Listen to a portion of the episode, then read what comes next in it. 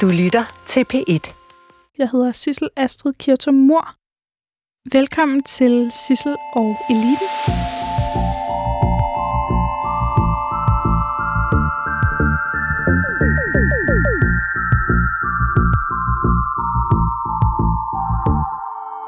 Margrethe Vestager, velkommen til Sissel og Eliten. Mange tak.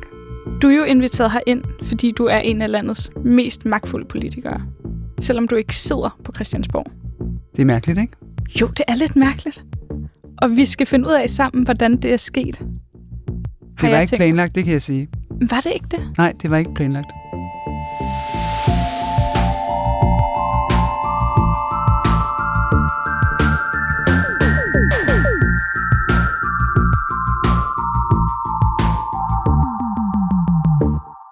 Men er du sådan en, der har lavet en karriereplan på noget tidspunkt i dit liv? Nej, det har jeg ikke.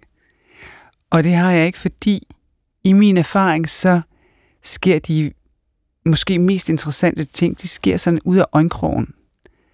Og hvis man har lagt en par- karriereplan, så kan det virke ligesom, når en hest får skyklapper på. Og derfor kan man ikke se det. Fordi ideen med skyklapper er jo, at du ikke bliver forstyrret. Mm. Og jeg tror, at et, øh, et fyldt liv, det består af, at du bliver forstyrret, og du så siger, okay, det er der, det sker. Og så kan man gå efter det. Hvornår blev du forstyrret første gang? Øh, det blev jeg, da Grete Eriksen, som var øh, landsformand, sådan organisatorisk øh, formand for det radikale venstre, hun øh, ringede til mig på mit arbejde, og sagde, at hun var i København, og hun gerne ville drikke en kop kaffe, hvis jeg havde tid til det. Og det havde jeg selvfølgelig tid til. Øh, hun var min kredsformand, jeg var stillet op til Folketinget. Og så sagde hun, øh, jeg går af som formand for Radikale Venstre, og jeg vil gerne have, at du stiller op til at blive min efterfølger. Og hvad lavede du på det tidspunkt? Der var jeg lige blevet ansat i, øh, i Finansministeriet og øh, arbejdede med, øh, med overenskomster og øh, personalejura og, og sådan nogle ting. Og havde egentlig tænkt, at, at det var ligesom vejen til at blive departementchef. Også Det- et meget powerful job. Man må, ja, men, øh, men det har jeg ligesom set, det var, jeg er uddannet som, øh, som kan polit, som økonom. Og jeg tænkte, det, hvis man vil tjene Danmark, så skal, man, øh, så skal man gå den vej. Jeg var generet som barn og havde egentlig ikke tænkt, at det der med at stå sådan ligesom i forreste række, at det var noget for mig. Så, øh, så det var jeg i gang med, men så tænkte jeg, nå, men det kunne da godt være. Og, ja, og så, så, så stillede jeg op, og så vandt jeg faktisk med, øh, tror jeg, tre fjerdedel af stemmerne. Selvom jeg kun var fyldt 25. Kom det ikke lidt bag på dig? At vinde med tre Det- det-? Jo, det kom lidt bag på mig, og egentlig havde jeg stillet op, fordi jeg tænkte, hvad er det værste, der kan ske?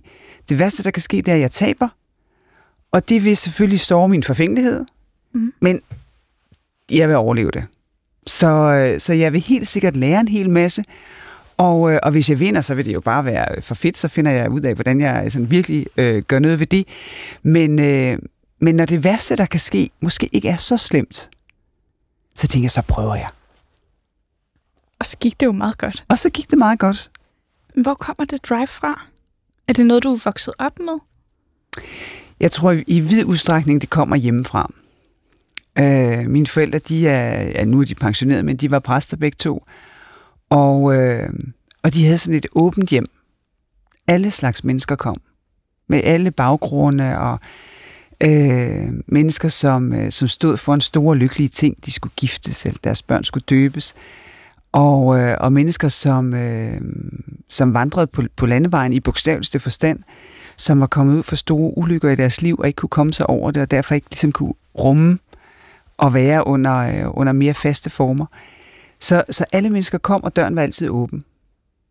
Og jeg tror, det er det, der et eller andet sted har, har gjort, at den der fornemmelse af, at vi skal alle sammen kunne være her, og vi har alle sammen noget at komme med, den kommer derfra. Hvordan var det at vokse op i som genert barn? Så har det været overvældende? Jamen det, øh, altså for mig så et godt sted som et generet barn, det er køkkenet. Mm. Fordi så kan man stadigvæk øh, gøre noget for andre mennesker, men man behøver ikke ligesom at stå i midten af selskabet og fortælle historier eller sætte sangen i gang, som min, min bror og min far øh, altid ville gøre. Øh, I køkkenet, der kan man sørge for, at tingene de skrider og fremad, og folk de bliver glade, fordi de får en kop varm kaffe, og de får et stykke lavkage, eller en lunet kringle, eller hvad det nu kan være. Så, så det er sådan et godt sted, hvor man både kan være med til at få tingene til at ske, uden nødvendigvis at blive set på hele tiden. Det er et genialt trick. Hvordan overkom du den her generthed? Fordi... Jamen, det kom så egentlig af, at øh, over i det vesttyske, der kan man stille op som radikal næsten stort set uden risiko. Mm. Altså for at blive valgt. Det har så ændret sig lidt siden, men, men da jeg var ung, der, altså hvis man stillede sig op som radikal, så sagde folk, nej, hvor spændende, øh, du har nok god tid. Øh, fordi man skulle enten være venstremand eller socialdemokrat for at blive valgt derover. Øh, min mor havde så været opstillet i et stykke tid, og hun ville så holde op med det, og så siger hun, du kan tage det i stedet for. Og så tænker jeg, men det kan jeg da godt tage i stedet for, fordi måske er det faktisk en mulighed for at finde ud af, hvad der sker, hvis man stiller sig op på en ølkasse, og lige pludselig er de der 30 cm højere end andre, og gerne vil have deres opmærksomhed for at sige, lyt til mig, jeg synes, jeg har noget på hjertet, som jeg gerne vil diskutere med jer. Så det var selvudvikling? Ja, det var sådan lidt, man må teste, og ja. det var ingen, der var ikke nogen risiko forbundet med det. Mm-hmm. Det var helt usandsynligt, at jeg skulle blive valgt. Så, så derfor så var det sådan et, et, et sted, hvor, øh, hvor jeg kunne skubbe lidt til mig selv, og, øh, og så finde ud af, hvordan, øh, hvordan virker det så egentlig? Og jeg kan huske en af de første gange, hvor jeg skulle holde en tale, så havde jeg havde syet mit eget tøj. Og, og det, øh, det betød noget for mig, fordi jeg havde sådan en fornemmelse af, at, at når jeg sådan lavede, altså konstruerede øh, et par bukser og en jakke, tror jeg det var, så havde jeg ligesom også syet noget styrke ind i, i det tøj, jeg tog på. Og, øh, og så gik det meget godt, og det var ikke, det var ikke så slemt, som jeg troede. Øh, det kunne man sagt, jeg havde også øvet mig lidt før. Det var ikke første gang, Nej. jeg prøvede det der med ølkassen. Men, men det var sådan en fornemmelse af, at øh, de fremmede mennesker, og jeg kan godt stå der, og øh, det er ikke sikkert, de er enige, men, øh, men ja, jeg falder ikke ned i ølkassen af det.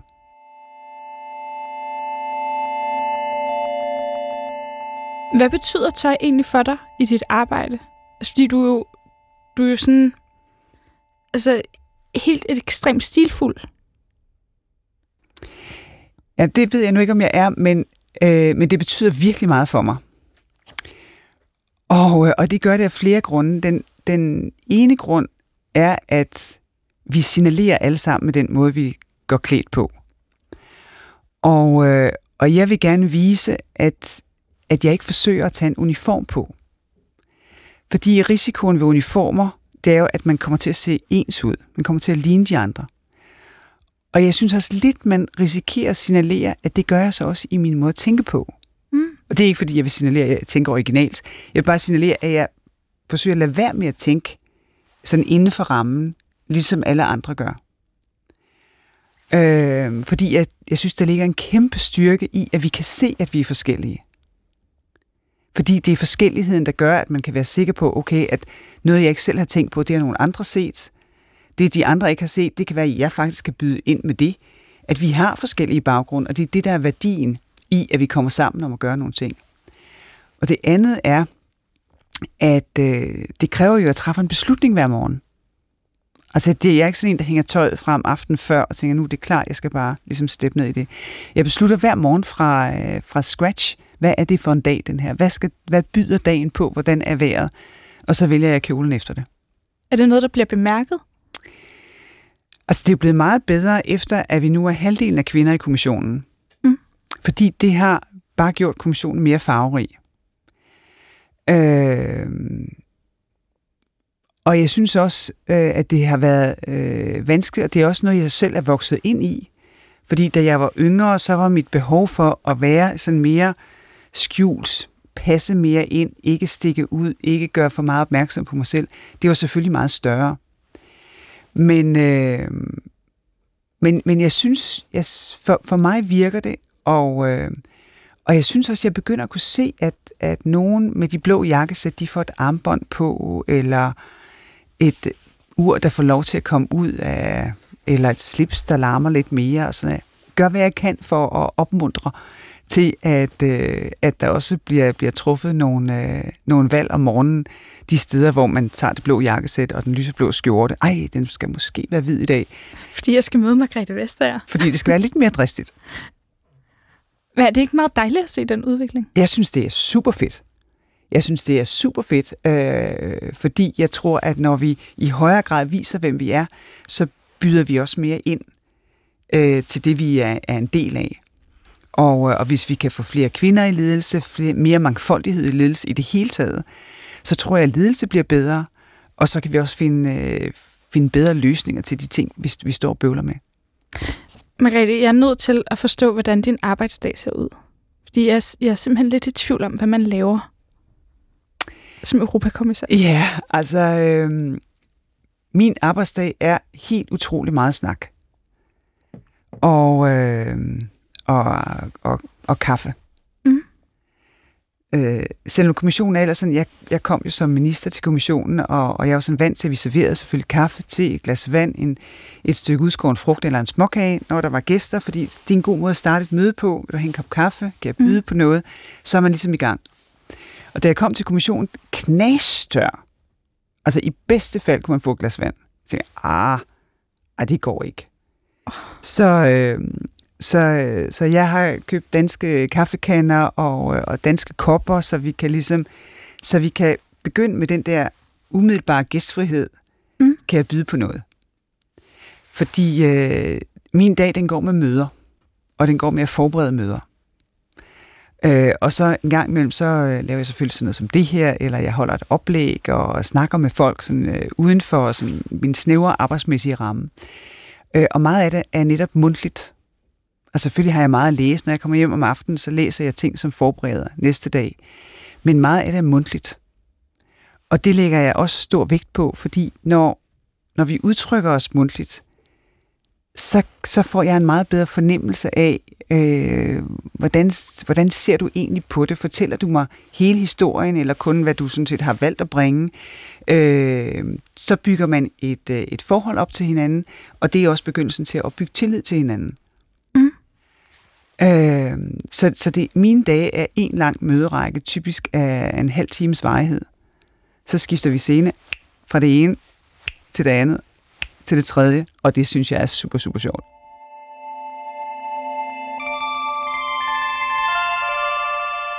Hvordan var skiftet fra Christiansborg til Europa? Det var meget anderledes i den forstand, at, at mit arbejde som kommissær er lidt specielt, fordi jeg jo håndhæver lovgivning. Mm. Øh, I det første mandat, der havde jeg et nyt lovforslag, og det er meget lidt. Øh, det meste af tiden, så har vi jo alt den lovgivning, som eksisterer i forvejen, om hvordan skal konkurrencen fungere, sådan at små og mellemstore virksomheder har en færre chance over for de virkelig store. Så det er meget sådan en lovhåndhævelse. Og jeg var så klar til det, fordi på Christiansborg er det virkelig, virkelig svært at skabe flertal for noget. Man skal arbejde benhårdt øh, for, at, at alle synes, at de er mere ombord på ideen, og der er 90, minimum 90, der, der stemmer for, og det er jo det, der skal til for, at man har flertal i Folketinget. Så når man nåede det, så kan man godt være sådan, åh, åh, en lille smule udmattet. Problemet er, at man har ikke opnået noget. Man har kun ændret lovgivning. Det virkelig svære, det Hvor kommer, er så frustrerende. når vi skal ændre vores adfærd. Fordi der er en ny lovgivning. Så det at gøre lovgivning til virkelighed og bruge lovgivning, det, øh, det, det, det voksede sådan i mig, at det er underprioriteret. Fordi det er så meget sværere, og det kræver meget stor tålmodighed. Så på den måde var det meget anderledes øh, at, at få det europæiske arbejde, og så selvfølgelig at samarbejde med folk fra 26, dengang 27 andre lande. Det var mindblowing, fordi vi er ret forskellige. Hvordan håndterer man det? Er der ikke... Der må være nogle tricks, man lærer sig hen ad vejen. Altså det første, det er jo at være sikker på, at man ved, hvad man selv siger. Det kan lyde virkelig banalt, men jeg havde ikke arbejdet på engelsk før. Ah, Så jeg skulle have et nyt ordforråd, som passede til det, jeg skulle lave. Og det skulle jeg jo helst også kunne udtrykke sådan, om ikke korrekt, så i hvert fald så andre kunne forstå det. Mm. Og på samme måde, mine kolleger har jo heller ikke et fuldt engelsk ordforråd. Vi taler ikke perfekt engelsk, nogen af os. Øh, så det at finde ud af, hvordan vi taler sammen, så vi forstår hinanden, det var sådan det første. Og, øh, og så også altså, ligesom generobre sin humoristiske sans, fordi meget humor ligger jo i sproget, i pauserne, i timingen. Øh, så den, de første tre måneder, jeg var helt tabt. Jeg var nok det kedeligste menneske på, oh. i, på kloden, fordi man, jeg kunne ikke sige noget som helst, øh, der bare havde et glimt af humor eller selvironi. Øh, og det andet, det er så at finde ud af, hvad er så humor og selvironi i en, i en, i en setting, hvor folk har en, en, anden, en anden tilgang. Og i Danmark, der vi trækker lidt vejret gennem ironi mm. og sarkasme. Syd for grænsen. Not so much. Nej, de synes, vi lyder vemmelige. Åh oh, nej. De synes, de lyder, vi lyder lidt, som om vi ikke siger, hvad vi mener. Og det er jo ikke helt forkert. Så jeg plejer at sige, at når jeg kører over grænsen, så parkerer jeg min ironi, og så tager jeg venlighed med. Sådan at man i højere grad bare er venlig, imødekommende, almindelig, uden at bruge ironi for, til at skabe den distance, som det jo egentlig er, ironi skaber. Har du nogensinde altså, virkelig fucket op med ironi i Bruxelles? Ja, det, det er jeg helt sikker på, at jeg har, specielt i begyndelsen, men folk er, er faktisk meget venlige. Så i stedet for bare sådan at være sådan helt himmelfaldende og tænke, så spørger de ligesom bare ind en gang til, fordi de tænker, ah, det, det kan hun ikke have ment, det der. Nej. Det er da meget rart. Ja, det er meget rart, og jeg tror også, det er, det er nødvendigt at have sådan en kultur. Fordi når vi alle sammen taler, taler engelsk, og lidt fransk, men, men langt mm. mest engelsk, med, med det ordforråd, vi nogle gange kommer med, så bliver man nødt til at være ret omhyggelig med hinanden, for at være sikker på, at, at man forstår, hvad hinanden siger, og der ikke sker fatale misforståelser. Margrethe, en af grundene til, at jeg har inviteret dig herind, er jo, at jeg er på sådan en dannelsesrejse i virkeligheden. Om, hvor jeg prøver, prøver på at finde ud af, om jeg skal være en del af den politiske magtelite. Og nu har jeg talt med en del forskellige, både politikere og mennesker af magteliten. Og det, jeg lidt har fundet ud af, det er, at det er den politiske magtelit, der har det hårdest. Brian Mikkelsen, som nu sidder i Dansk Erhverv, siger, at hans job er tusind gange nemmere, end da han var minister. Og Tommy Ahlers har jeg også haft på besøg, lige inden han stoppede mm. som politiker. Og det er som om, at alle synes, det er så frygtelig hårdt. Jeg har bare tænkt over det regeringssamarbejde, du havde. Mm. Der er Ville Søvndal, som kæmper for ligesom at, at have en plads i et byråd, ikke? Mm. eller regionsråd. Mm. Og så er der Helle Thorning, som faktisk ser ud til at have det ret fedt, men ikke har særlig meget magt længere. Og så er der dig, der har lavet den vildeste karriere. Og ligesom virkelig vundet, ikke? Men fortryder du nogensinde, at du er blevet politiker? Altså, aldrig et sekund har jeg tænkt over det. Og det er, det er nok ikke fordi, at, at jeg synes, at politik altid har været fantastisk. Faktisk tværtimod. Men mere fordi, hvad skal jeg bruge det til? Altså, jeg har brugt 30 år af mit liv so far på politik, og jeg kommer til at bruge nogle år endnu på politik. Så, så hvorfor fortryde det? Og jeg er enig med, med, med, med dem, du citerer. Øh, politik på højt niveau er det er virkelig et hårdt spil. Og det er det, fordi selvom, selvom konflikt er nødvendig for forandring, fordi når, når der er en konflikt, så er vi på godt og ondt mere åbne for, at ting kan, kan flytte sig, fordi vi har ligesom sat vores egen sådan holdningsmæssige position i spil. Så kan politik på højt niveau også bare blive, at der bliver konflikt for konfliktens skyld. Mm. Du kunne bare, altså, du kunne have det så sjovt, Margrethe. Hvis du ikke skulle det her. Jamen, jeg har, det, jeg har, jeg har et fantastisk arbejdsliv. Jeg er et super, super privilegeret menneske. Mm. Jeg arbejder med noget, som jeg synes giver mening de allerfleste dage. Øh, jeg får en virkelig god løn.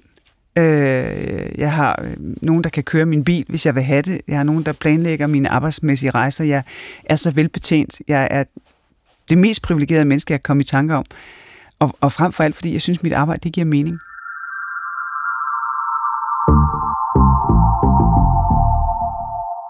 Føler du dig egentlig som en del af eliten?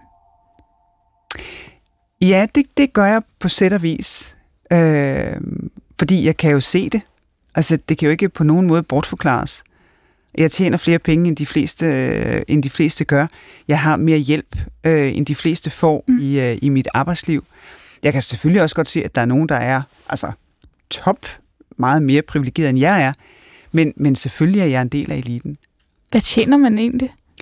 Ej, undskyld, jeg spørger. Ja, men man kan slå det op. Øh, mm. Det er offentligt. Øh, jeg kan faktisk ikke lige øh, omsætte det i kroner og øre. Det er ret mange penge. Men jeg begik en, en, en bryllup på et tidspunkt. Jeg havde et møde med to amerikanske CEOs. Øh, deres virksomheder, de skulle fusioneres. Og, øh, og det var et relativt kort møde. Altså bevares, det var vigtigt, men, men det var et relativt kort mm. møde. Og så var jeg sådan lidt, nå, nu er I fløjet hele vejen herover. Jeg håber, at øh, jeg håber, I kan se en film på vejen hjem og få en drink sammen i flyet. Og de kiggede på mig fuldstændig himmelfaldende, hvad tænkte jeg på, fordi de var jo fløjet over i hver sit privatfly. Selvfølgelig. Ikke? Der var jo ikke og en anden gang, hvor jeg var sådan lidt, der var også en fusion, og den ene af direktørerne ville så øh, være nødt til at gå af, fordi der var kun plads til en nummer et, og så var jeg sådan lidt, nå, jamen, hvad skal du så lave bagefter? Og han kiggede også på mig fuldstændig himmelfald, altså han ville få 200 millioner dollars ud af det, så ikke så vigtigt.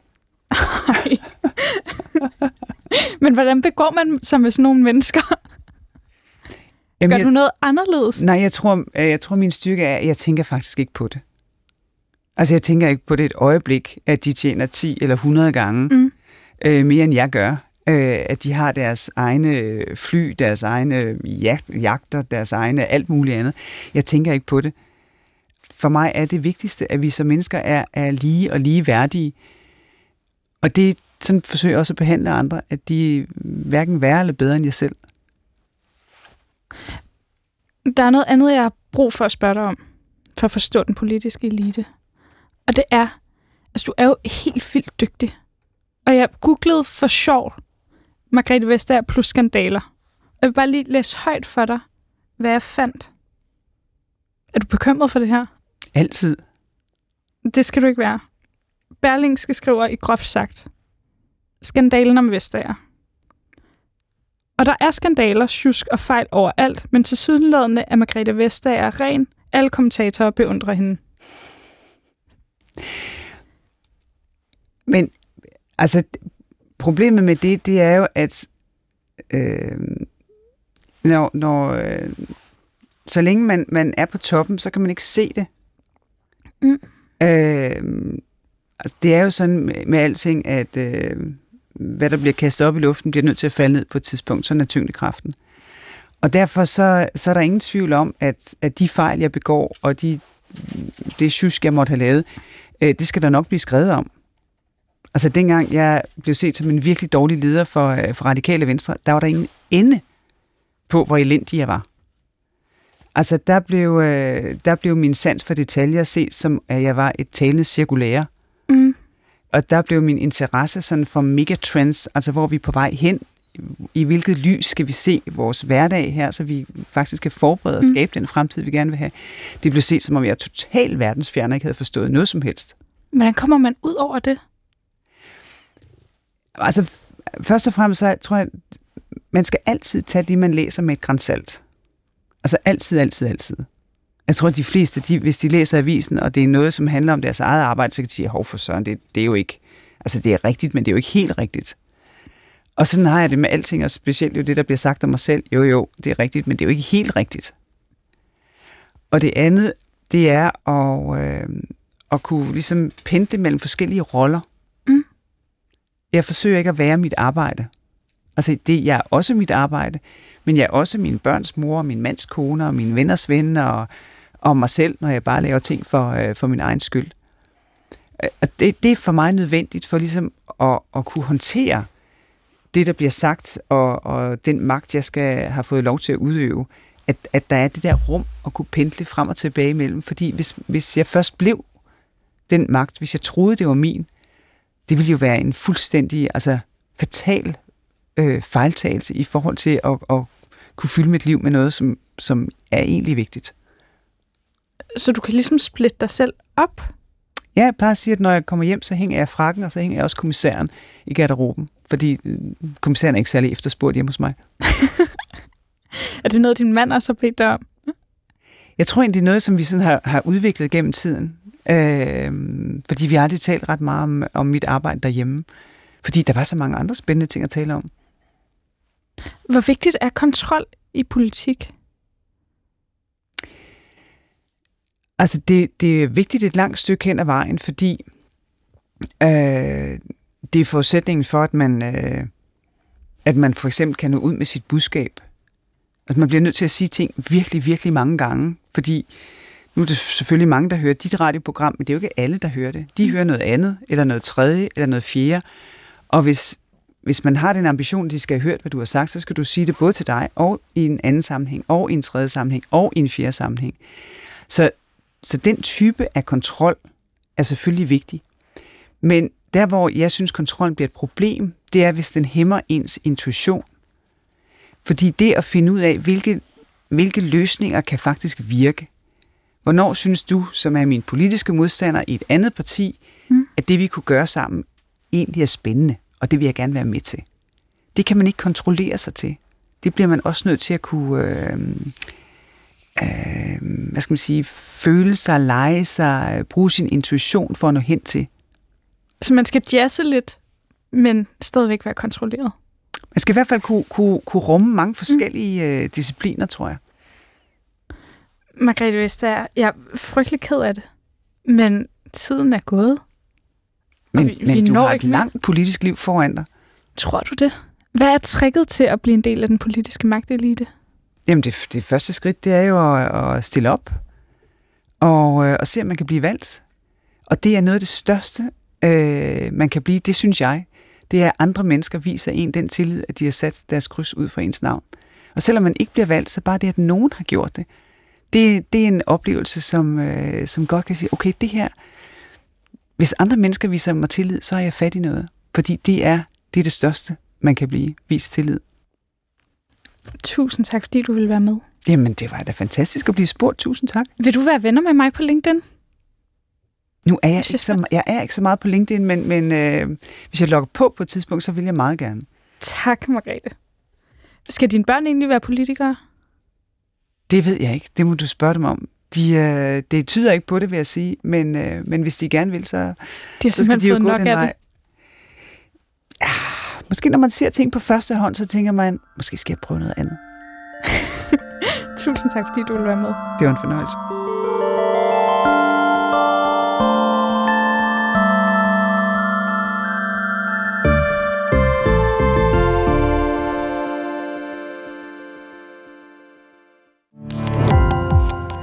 Gå på opdagelse i alle DR's podcast og radioprogrammer. I appen DR Lyd.